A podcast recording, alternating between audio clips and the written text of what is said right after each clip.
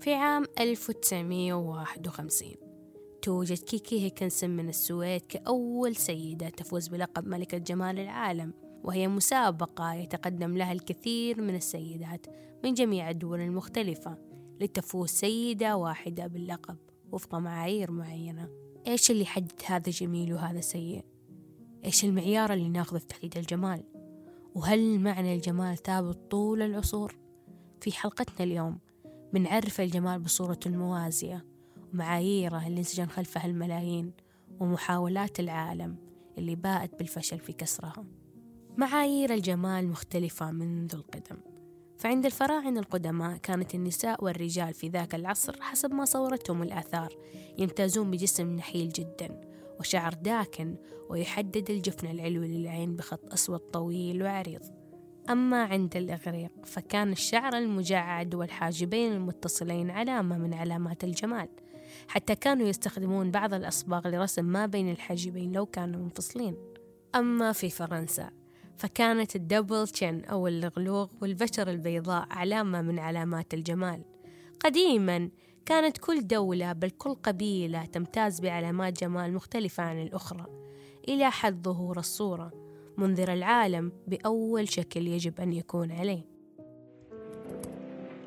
Today's beauty standard is having a slim face, defined jawline, thin nose, big lips, flawless skin, no signs of acne, no signs of aging, no stretch marks, no cellulite, no scars. Asians desire white skin, meanwhile Westerners want dark tan skin.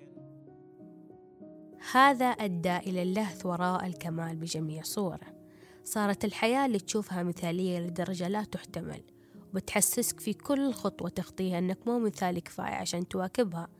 هنا بعض عارضات الأزياء اللي طردوا من عروضهم لسبب واحد بس إنهم ما كانوا على ذيك الدرجة من الكمال. I went to Paris and after the first day of castings, my agency told me that the response from my first day of castings for shows was that I had gained too much weight and was unusable for the shows. We flew home the following day, and the day after that, there was a headline on the front page of the fashion section of the Wall Street Journal that said, uh, Model Allie Michael sent home for being too fat. To have this expose on the thing that I felt most insecure about in my life reaching everyone was absolutely mortifying. Um, I don't know. I feel like I was publicly shamed. But, you know, I also just, like, shouldn't be a big deal, really. But it did affect me at the time. I wanted to hide. And I didn't want a lot of people kind of, um, you know, putting cameras in my face and putting me on front covers of newspapers. بعدين تجي أكبر صورة كاذبة في محاولات إنعاش الاختلاف بأنه يخلون عارضة ممتلئة واحدة في العرض كامل عشان يرسمون إطار لصورة تناقض اللي روجون له I think about my face all the time. Like two thirds of the day would be based on my appearance. I feel upset, disappointed, hopeless, ugly. Why am I like that? I wanted to end my life because I think I'm too ugly for the world. Body dysmorphic disorder هو اضطراب متعلق بصورة الجسم في عقل الشخص نفسه مقارنة بالعالم الخارجي هذا الاضطراب اللي خلقه وسائل الإعلام والتواصل بها والسم لإظهار صورة كاملة تتناسب مع معايير العصر اللي تقول بصوت واضح إن أي اختلاف خارج دائرتها يعني اختلاف غير مرحب. به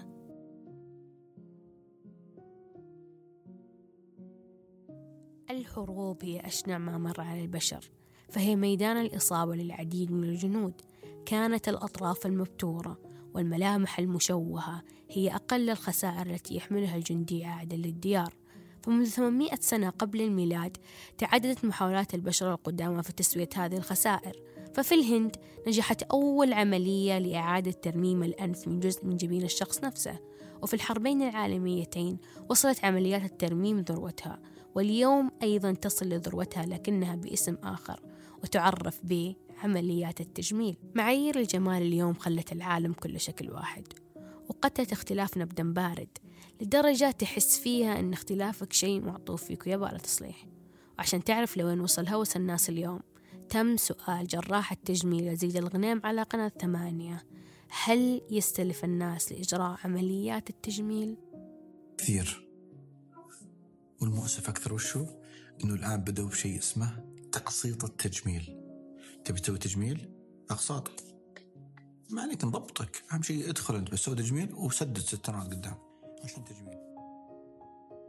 الاختلاف شيء غير مرحب به اليوم. مهما حاول العالم إثبات عكس ذلك افتكروا كل إعلانات تفتيح البشرة ومساحيق التبييض أو منتجات تنعيم الشعر. وبتشوف إنها محاولة لنصير نسخة واحدة متقبلة من الكل. ودي أقول لك في النهاية إنك ثمين جدا باختلافك وإنه سبب تميزك على الملايين. وأنهي الحلقة وبكذا أكون بعت عليك كلام يعاكس الواقع طيب والحل؟ الحل ما في حل إلا أنه يمكن يمكن يجي اليوم اللي نكون فيه على الأقل مرتاحين كوننا مختلفين لأن كوننا بشر ما نقدر نوصل للكمال لو إيش من العالم ورانا إن حقيقة يمكن نطولها Walking down the street, pretty woman, the kind I like to meet.